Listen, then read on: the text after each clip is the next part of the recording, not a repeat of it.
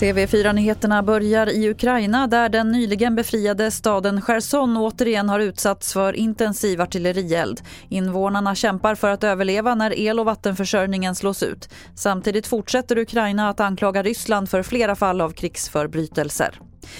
Samhället behöver bli bättre på att förhindra att barn och unga förs ut ur landet, det skriver Jämställdhetsmyndigheten i en ny rapport. Trots att många kommuner har kunskapen så tar det tid att omsätta i praktik, menar de i rapporten. En av de vanligaste orsakerna till att barn förs ut ur landet är för att undvika myndighetsbeslut. Vi avslutar med en skräll och en chock från fotbolls-VM i Qatar. Japan är vidare till åttondelsfinal efter seger mot Spanien med 2-1 samtidigt som Tyskland är utslaget. Japans seger ställde allt på ända för Tyskland som nu alltså är utslaget ur VM. Det hjälpte inte att tyskarna besegrade Costa Rica med 4-2.